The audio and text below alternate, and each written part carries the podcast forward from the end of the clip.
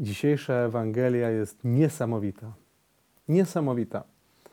E, po pierwsze, Bóg mówi, że może uczynić z nas swoje mieszkanie.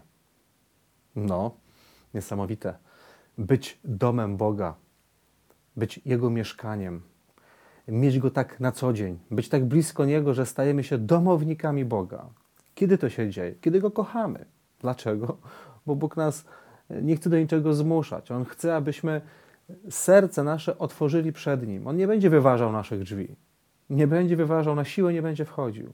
Mówi, jeżeli będziesz mnie kochać, ja uczynię w Tobie swoje mieszkanie. Co to znaczy kochać Boga? Jezus dzisiaj nam znowu podpowiada. Kochać Boga to znaczy słuchać Jego słów i wypełniać Jego naukę.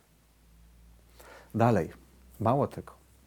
To kaloryczne słowo ukazuje nam dzisiaj zapewnienie Boga, że Jego pokój będzie z nami. Mówi, niech się nie trwoży serce wasze.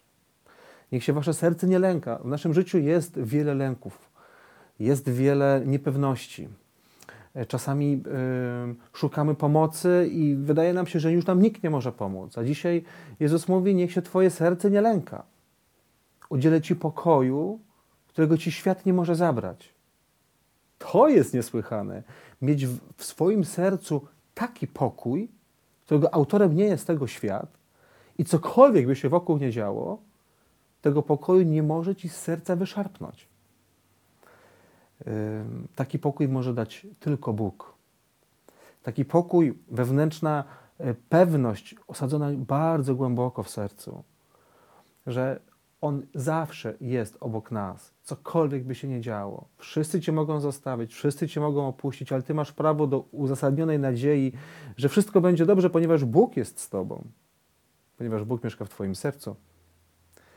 I możesz być wtedy również na tym poziomie serca spokojny. Święty Franciszek o tym mówił, kiedy opisywał radość doskonałą, że nawet najbardziej, możemy powiedzieć, nieoczekiwane doświadczenie, cierpienie od najbliższych, y, może być, może być przeżywane spokojem w sercu, jeśli mamy świadomość tego, że On jest blisko nas.